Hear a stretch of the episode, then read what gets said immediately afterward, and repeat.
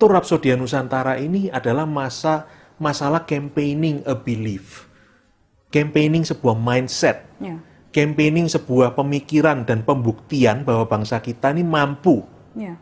Bangsa kita ini sudah terbukti sejarah secara sejarah sebagai bangsa yang besar. Kita ini cuma perlu dikampungi, ya, ditampar untuk diingatkan, eh kamu ini bukan orang bodoh. Selamat datang di Rajut Asa.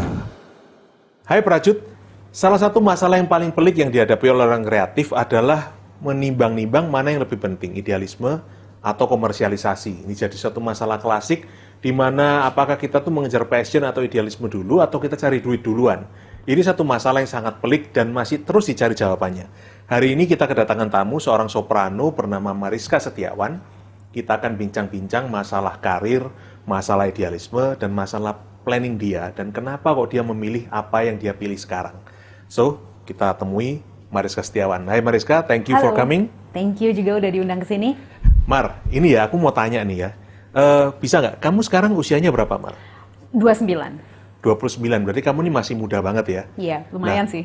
Ini terus terang ya, kalau kita lihat, oh Mariska Setiawan, soprano, suaranya enak, cantik, punya stage presence gitu. Nah, kenapa sih kok milih musik klasik? Kenapa kok kamu tuh nggak milih musik pop atau musik jazz? Di mana kalau kamu dengan penampilan kamu, dengan kemampuan kamu bernyanyi, bukankah lebih gampang dijual? Kasarannya kan orang tuh lebih banyak fansnya. Musik klasik ini kan fansnya dikit. Kenapa kok kamu milih musik klasik, nggak milih musik lainnya? Sedangkan kamu punya peluang di tempat-tempat yang lain. Bisa sangat dimengerti karena aku pun merasa demikian ya. Mungkin kalau aku buka baju dikit, pakai yang cuman kelihatan BH-nya doang, pakai yang G-string gitu terus jadi jadi bikin TikTok. jadi bikin TikTok viral gitu. Itu sebenarnya gampang banget untuk bisa punya karir yang Iya. sangat successful. Tapi masalahnya aku tuh orang yang sama sekali nggak bisa kerja apabila aku nggak taruh hatiku di situ 100%. Oke. Gitu. Mungkin ada orang yang bisa dan nggak ngejudge juga yang mau ambil ke sana. Iya. Akunya aja yang nggak bisa. Itu kan masalah performance ya. Itu maksudnya eh, di mana pada saat pada waktu kamu menjual sesuatu, menjual seni itu kadang-kadang sekarang kan memang perlu ada ada hype-nya, ada sesuatu yang menarik perhatian walaupun itu nggak esensi. Iya. Tapi dengan kata lain kamu nih ngomong bahwa yang kamu kejar ini sebenarnya adalah esensi. Kamu kepingin mengerjakan sesuatu yang sesuai dengan passionmu. Iya. Nah pertanyaannya begini, untuk seorang Mariska Setiawan yang umurnya masih 29 tahun, kenapa kok musik klasik? Oke, sebenarnya tanpa menganaktirikan jenis musik apa pun, aku ngerasa semua jenis musik itu bisa dinikmati, ada keindahannya masing-masing, tapi secara spesifik musik klasik adalah musik yang paling aku rasa bisa merepresentasikan aku secara otentik. Jadi merepresentasikan apa yang ada dalam diri kamu ya? Yes. Nah, Di kamu- musik klasik aku merasa paling bisa jujur. Nah, kenapa kok begitu? Maksudnya apakah kamu ini cuma dengar musik klasik aja atau ada musik-musik yang lain juga? Gak juga sebenarnya semua jenis musik aku dengerin. Kalau sehari-hari aku juga punya punya band yang kita bikin musik pop rock. Aku suka Hah? nulis lagu. Aku Iya. dengerin dari jazz sampai dangdut juga dengerin. Dan Dangdut kalau- juga ya? Kalau karaokean sama teman-teman juga pasti keluarnya jarang goyang. Tapi em, yang mau aku sampaikan Hah? adalah semua jenis musik itu nggak ada musik yang aku nggak suka atau nggak bisa apresiasi. Iya. Aku cuman uh, aku bisa mengapresiasi semuanya tapi secara spesifik mungkin masalah bukan masalah apa ya pernah nggak sih kamu ngerasa ngelihat Hmm. satu hal um, nggak nggak nggak harus dinalar tapi ngerasa cocok aja Oke. kamu ngerasa bahwa itu memang tempatmu di situ itu yang aku rasain dengan Iya. musik klasik Jadi kamu tuh merasakan cocok dengan genre musik itu ya. Jadi merasa ada ikatan sebagai satu ungkapan batin. Nah, tapi kamu sendiri merasa nggak kalau musik klasik itu sebenarnya satu musik yang sekarang aging di Indonesia? Dalam artinya fansnya itu banyak Iya. yang udah tua gitu. Nah, itu dia. Jadi emang bener. Ini dulu aku pernah ngobrol sama sama sahabatku Maestro Ananda Sukarlan. Kita sering ngomong Iya. kalau musik klasik ini kalau kita konser yang nonton Iya. tua-tua, udah umur 70, 80, in five years they're, they're gone. Oke. Jadi span karir kita ini lima Iya. tahun kali maksimal gitu. Tapi itu memang sebuah fenomena yang terjadi dan jujur aja itu sesuatu yang aku sangat sayangkan. Aku nggak Iya. kepingin itu terjadi. Kenapa? Heeh. Karena menurutku musik klasik itu kaya raya dan begitu banyak yang bisa kita pelajari dari musik klasik. Kaya raya tuh gimana? Coba kamu bisa nggak menceritakan kaya raya seperti apa? First of all, musik klasik itu paling tua di antara musik yang Oke. lainnya. Paling tua, tapi bukan berarti dia sekarang udah mati. Dia Iya. dia masih hidup sampai sekarang dan masih ada musik-musik klasik modern yang diciptakan even now today. Jadi bukan diciptakan. old tapi lasting ya. lasting. Oke. Haha. Jadi kalau kita ngelihat dari nilai historisnya, sesuatu yang usianya lebih tua, pengalamannya lebih banyak, Oke. dan di situ udah ada perjalanan kronologis yang menurutku begitu banyak bagian sejarah itu tercatat dalam musik klasik. Jadi maksudnya kamu musik klasik ini bisa merepresentasikan bukan hanya musiknya doang, Tapi bukan juga karyanya, culture. tapi juga culture dan sejarahnya ya. Dan sejarah. Jadi cerita di baliknya itu tersirat di dalam musik itu. Musik klasik itu merangkum peradaban. Gimana maksudnya merangkum peradaban seperti apa? Musik klasik sebenarnya semua musik seperti halnya uh, literature atau sejarah. Sejarah kan dulu kalau pelajaran SMA kan artinya sesuatu yang ditulis, ingat Iya, kan? iya. Nah, jadi uh, sama musik itu adalah pencatatan sejarah dalam dengan caranya sendiri, dengan Iya. bahasanya sendiri. Bahasa paling universal apa sih? Bahasa musik. Ah. Gitu kan? Mungkin aku ngomong bahasa Perancis atau bahasa Jerman, wong Jowo nggak ngerti. Iya. Tapi kalau aku ngomong dengan bahasa musik, semua bisa memahami. Oke. Dan yang paling istimewa adalah sejarah peradaban itu tercatat dalam bentuk bahasa yang paling universal. Oke. Bahasa musik. Dan betul nggak kalau misalnya aku bilang nih begini ya, pada waktu kamu nulis buku sejarah, literatur itu bisa mencatat sebuah fakta. Mhm. Tapi musik menerjemahkan fakta itu dalam rasa. Yes. Jadi dalam sebuah musik jejak kalau teori saya jejak pra- jejak peradaban sebuah bangsa itu direkam dalam seni dan budayanya. Yes. Nah, jadi musik klasik dalam hal ini karena umurnya sudah panjang dan dia mem- bertahan melawan segala macam goyangan zaman itu ya. Jadi sampai sekarang musik klasik ini di dalamnya tuh syarat dengan cerita budaya dan cerita sejarah Exactly. dan rasa yang dirasakan perjuangan dari setiap periode waktu itu ya. Nah, Seperti begitu ya Mariska ya. Yes, itu benar. Lah, menurut kamu nih, untuk anak-anak muda, menurut kamu masalah utama kenapa sih anak muda tuh kok nggak suka musik klasik? Nggak ngerti soalnya. Tidak kenal. Sesimpel nggak Oke. kenal maka nggak sayang. Sebenarnya orang manusia itu akan selalu suka dengan sesuatu yang familiar. kan? Oke. Semakin Ya. kamu terekspos dengan itu, kamu merasa itu familiar, Ya. kamu normalisasi, akhirnya menjadi biasa dan suka. Hmm. Gitu. Waiting Tresno Jalaran. Soko kulino. Nah, Oke, yang orang bukan yang orang Jawa ya, Witing Tresno Jalaran Soko Kulino artinya jatuh cinta karena sering ketemu. Nah. Dalam hari ini kalau nggak kenal, makanya yang ketemu, LDR tuh banyak yang gagal. no, just Iya. kidding. Sorry guys. Jadi, jadi maksudnya kamu perlu ada pengenalan, perlu ada cara apresiasi dan mengerti lebih dalam tentang keindahan sebuah musik klasik ya, supaya orang bisa melihat sebenarnya what's the big deal about musik klasik, gitu. Ya itu dia, karena sekali lagi karena itu musik yang tertua dibandingin yang lain. Bukan, aku nggak ngomong, nggak ngeklaim bahwa musik lain tidak mencatat peradaban ya. Semua Iya. mencatat peradaban, tapi kan karena musik klasik yang paling Iya, tua, iya. gitu. Jadi paling kaya rasa dong. Pertama kali kamu tuh bisa suka musik klasik tuh kapan sih? Aku suka musik klasik itu dari per- awal perkenalan masih aku- masih kecil sih, waktu Hmm. masih SMP join paduan suara gereja. Kalau paduan suara kan memang deket banget sama musik Iya. klasik, musik gereja tuh deket banget Iya. sama musik klasik. Dari situ awalnya, Oke. gitu. Jadi dari musik klasik di gereja, karena kamu diajarin nyanyi langsung suka atau gimana? 13 berapa 13 tahun ya kamu ceritain? Waktu itu masih 13 tahun. Nah, 13 tahun kamu bisa jatuh cinta pada musik yang rata-rata dengerin sama om-om sama tante-tante gitu ya. Iya sih. Apakah kamu nih dalam kehidupan nyatamu tuh kamu kayak tante-tante begitu atau gimana sih? Maksudnya kepengen tahu gitu loh. Sebenarnya, nah itu tadi, karena aku tuh orangnya kalau udah suka sama satu hal, aku akan gali terus. Dan aku tuh Ah. tipe orang yang kalau belajar tuh intens. Nah. Kalau udah suka satu hal, besoknya tiap hari aku akan gali. Nah, waktu itu apa yang kamu gali yang bikin kamu sampai jatuh cinta sama musik klasik? Dari ceritanya, dari nah, musik karena ingat nggak lagu apa itu pertama kali? gini nih, kalau kita belajar musik klasik, Iya. Kita tuh nggak belajar. Kalau kita belajar musik pop nih, Nathan mau karaoke nih nanti malam nyanyi Hmm. Iya. lagu LOVE gitu. Ah. Yang kamu pelajarin melodi ama terus cari teksnya googling aja di HP Iya. kan, terus nyanyi udah gitu aja. Iya. Nah, kalau proses belajar musik klasik itu Ah. prosesnya sedikit lebih panjang. Yang kita lakukan pertama kali adalah begitu kita tahu nyanyi apa, kita ambil partiturnya, kita Hmm. lihat judulnya apa, kita lihat komposernya siapa, dibuat di tahun berapa. Hmm. Iya. Karena di musik klasik itu ada periode-periodenya. Jadi tiap Iya. periode punya karakter yang berbeda-beda. Oke. Jadi kamu mesti tahu kamu nyanyi periode mana, pelajari karakternya apa, latar belakang historisnya apa, sehingga bagaimana cara kamu membawakannya itu bisa sesuai dengan taste aslinya pada saat komposer itu bikin. Oke. Ngerti ya? Jadi dari situ aku ngerasa, eh asik juga nih. Ternyata zaman tahun segini karena pada saat itu lagi diciptakan di Rusia pada saat zaman perang, jadi musiknya tuh keluarnya kayak begini nih. Oke. Nah jadi ada elemen historis dan psikologis dan cultural juga di situ. Elemen psikologi seperti apa maksudnya ya?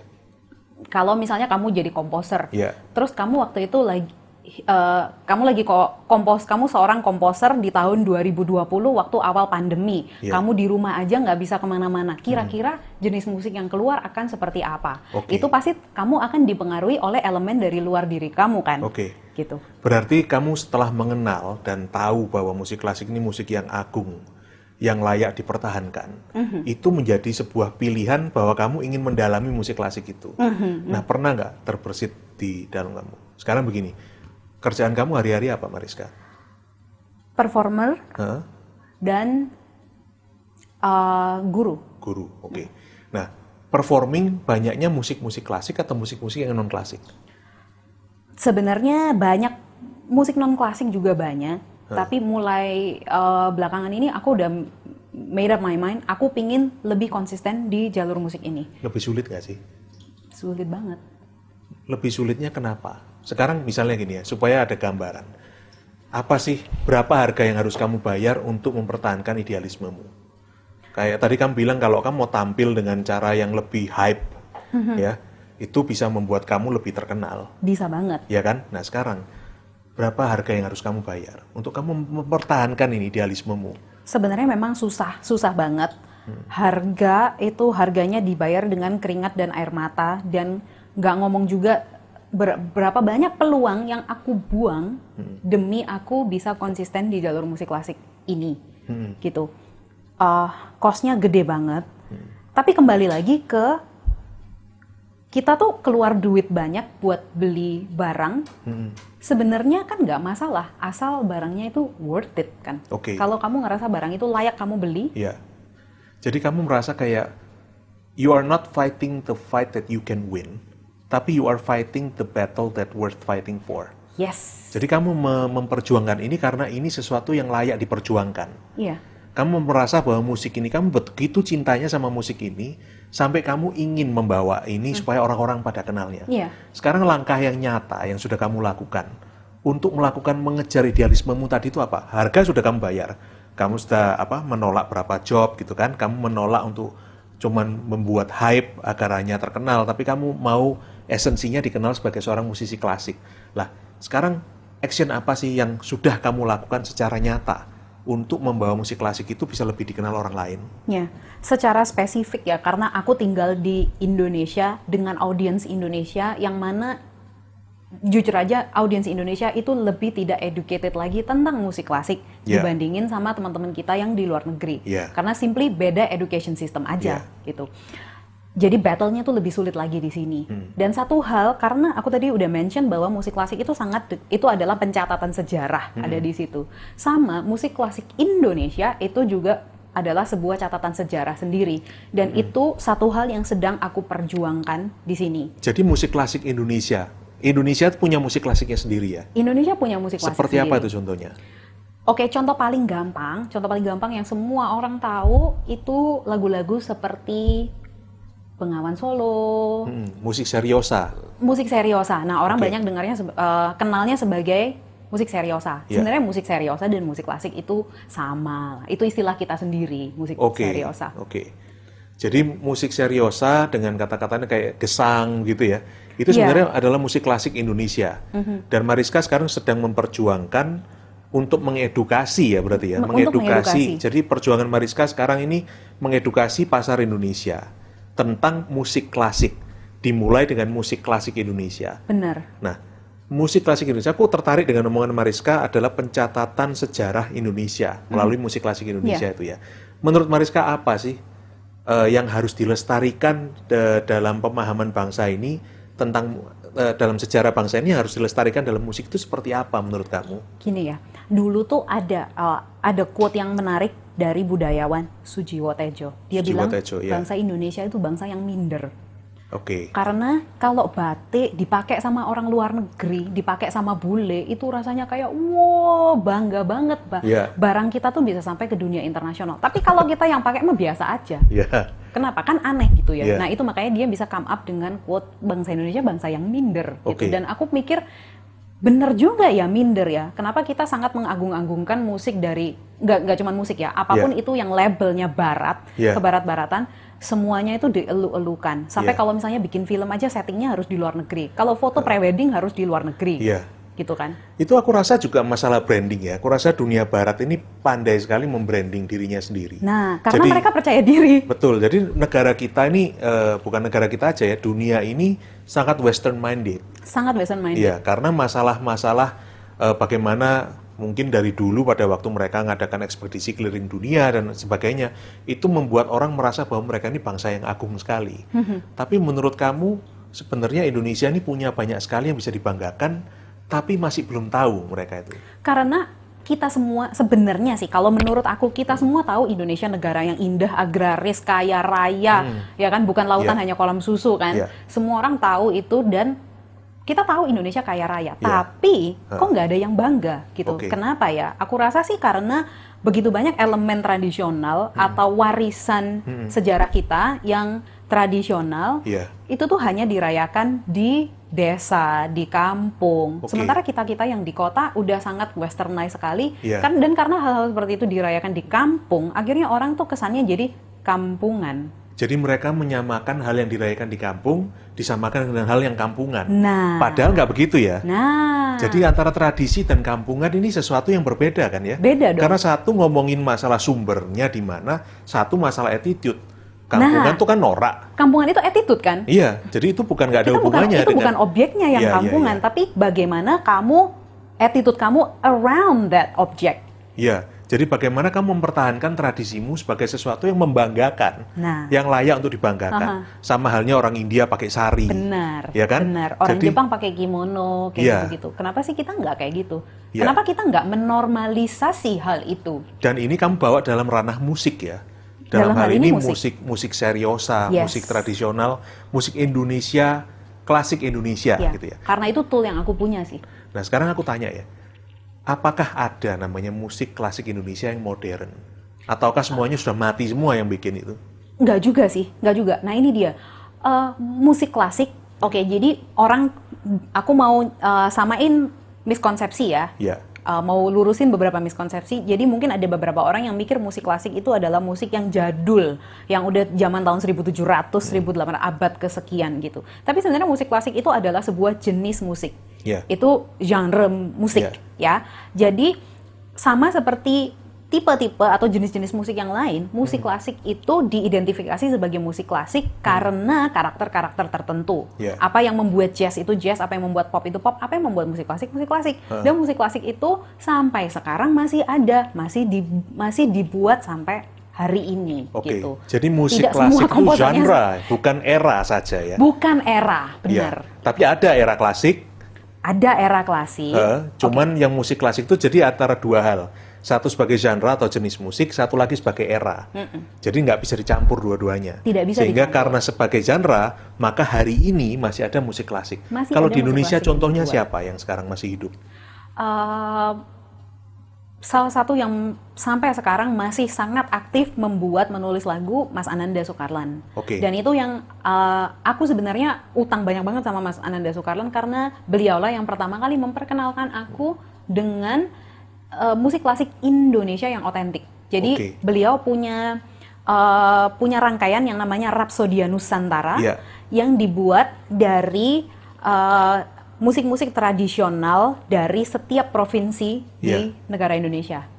Jadi dari musik tradisional dikemas kembali. Dikemas kembali menjadi sebuah gubahan musik yang namanya Rapsodia Nusantara. Dan itu Hmm. Oke. ada banyak. Rapsodia Nusantara 1, 2, dan seterusnya sesuai Iya. dengan jumlah provinsi yang kita punya. Itu saya pernah dengar beberapa lagunya Rapsodia Nusantara ya. Menurut saya aku sangat menggugah ya.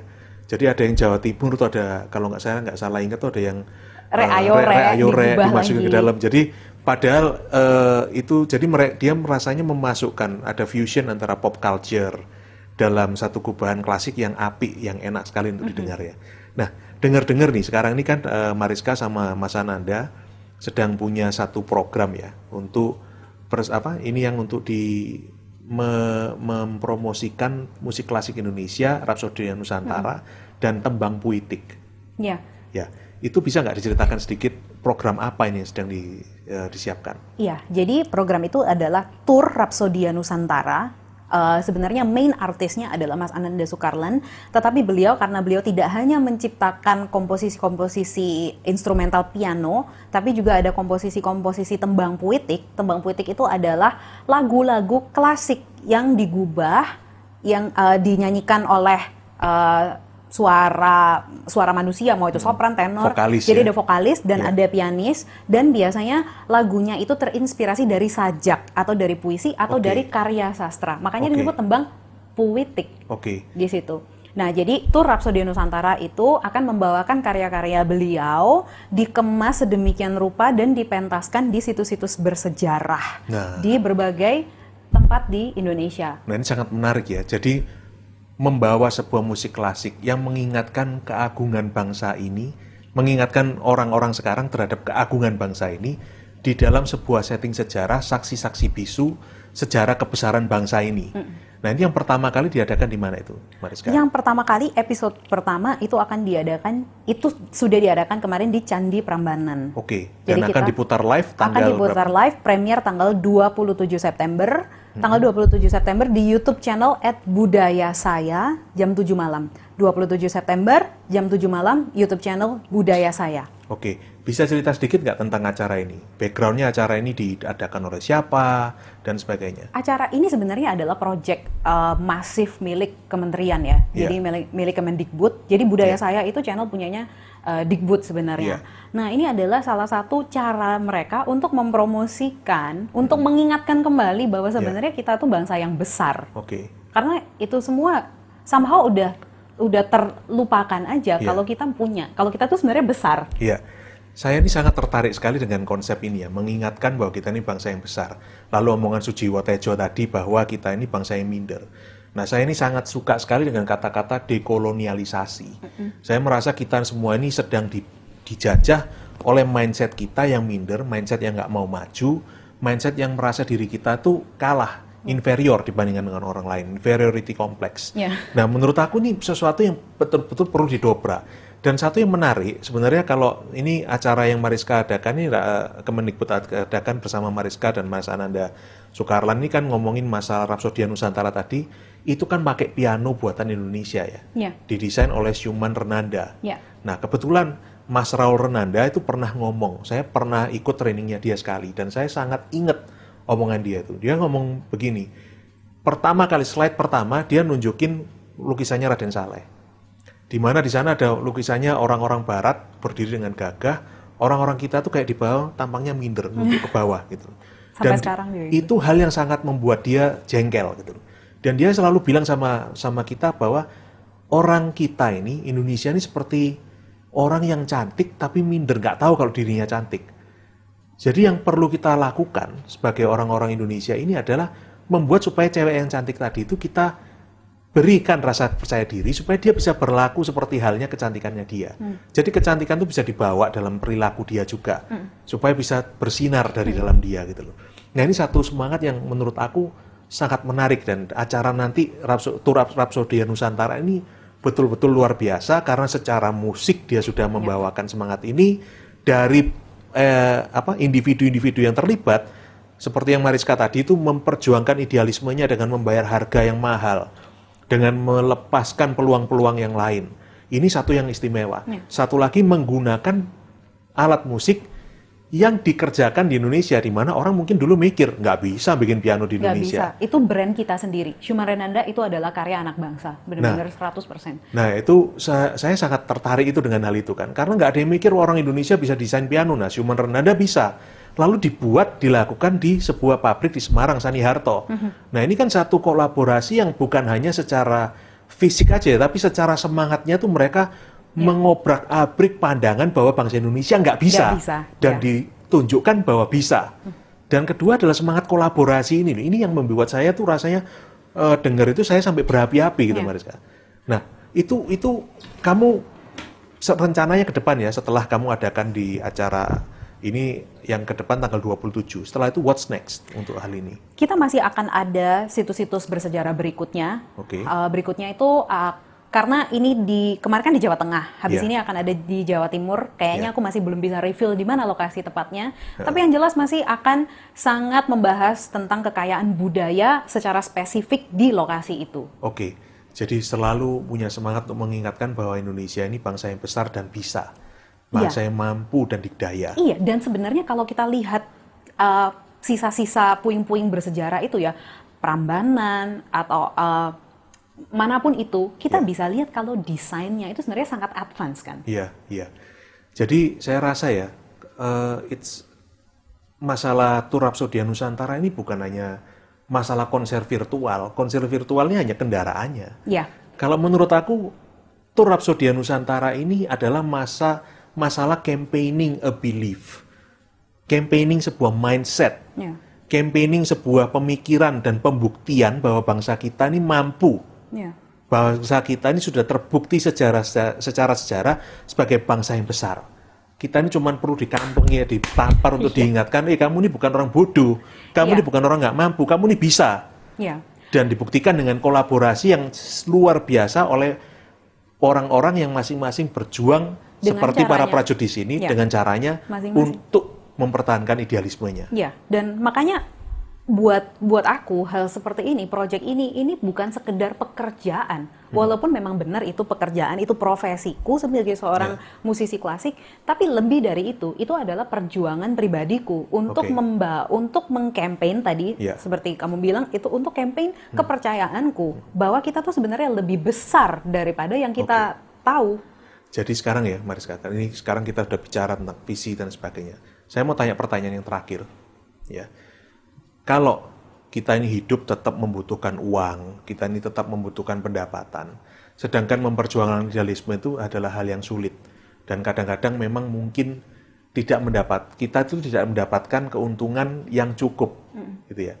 Caranya kamu balance gimana sih, Mar, untuk supaya kamu tuh bisa mempertahankan idealismemu tapi tetap perut tuh masih kenyang dan dapur tuh masih ngepul. Iya. Itu gimana caramu balance-nya? jujur aja itu satu hal yang formulanya itu butuh waktu bertahun-tahun sampai aku bisa nemu selanya yang pas itu di mana. Iya. Untungnya karena sebenarnya kan kita tuh cari cari duit untuk. Hmm. dapur, untuk dapurnya kita tetap mengepul. Itu kan sebenarnya nggak harus dari satu tempat aja. Iya. Sebagai manusia, aku percaya sebagai manusia kita itu multidimensional. Kita bisa bisa banget kita bercabang ke berbagai macam Hmm. skill tanpa mengkhianati, tanpa mengkhianati jati diri ya, Hmm. tanpa mengkhianati jati diri, aku bisa memanfaatkan tools-tools lain atau skill-skill set yang aku punya. Karena skill Hmm. Aku nggak hanya di musik, tapi aku juga punya skill-skill lain. Contohnya, aku juga selain sebagai seorang musisi atau seniman, aku juga seorang business owner. Aku punya studio Sanggita, Iya. gitu.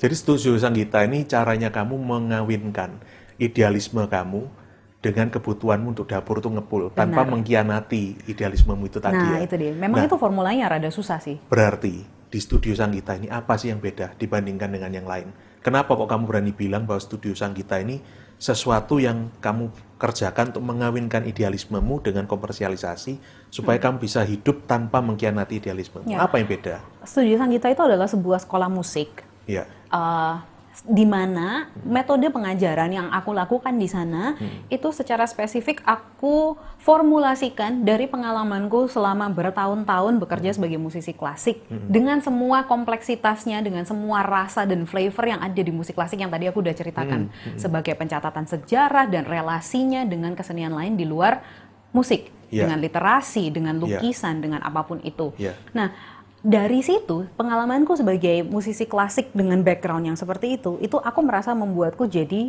musisi yang punya em, flavor yang sangat kaya. Dan flavor itu yang ingin aku tularkan ke siapa pun itu yang belajar dari aku. Jadi kita belajar musik Iya. itu tidak hanya eh, dari satu dimensi, tapi kita lihat dari dimensi-dimensi lain, Iya. dari sudut pandang lain, relasinya dengan kesenian yang lain. Jadi kita punya pengertian yang lebih kaya Oke. daripada itu. Jadi kamu bukan hanya melihat catatan sejarah itu dari satu tempat saja, di mana catatan musik tadi, tapi kamu juga melihat sejarah itu melalui literasi yang lain, Mhm.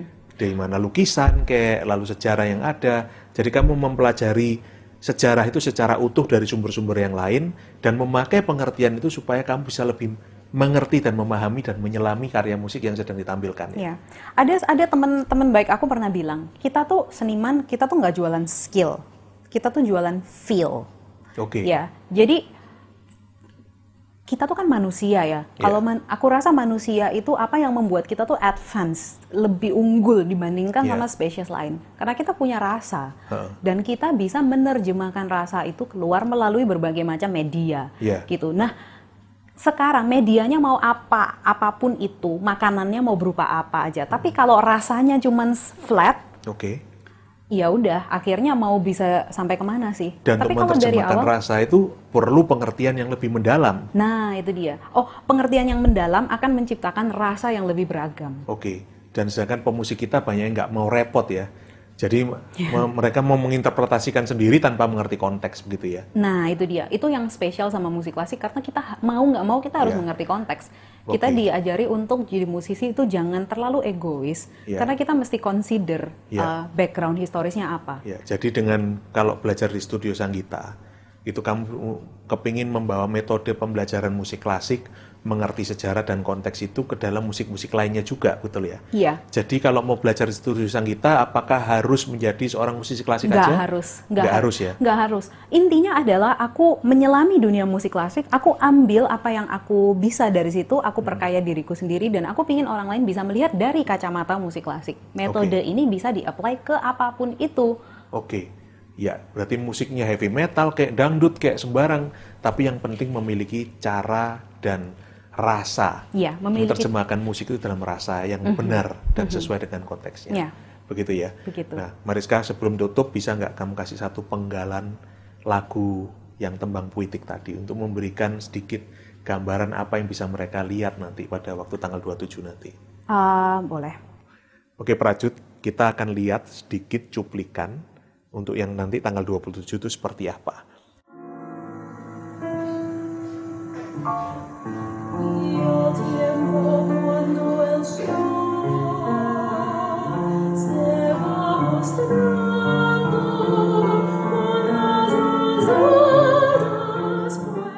Jadi jangan lupa 27 September jam 7 malam di YouTube channel Budaya Saya saksikan konser Rapsodia Nusantara karya maestro Ananda Sukarlan, musisi klasik modern Indonesia dengan memainkan piano buatan Indonesia yang didesain oleh Aksan Syuman dan Raul Renanda.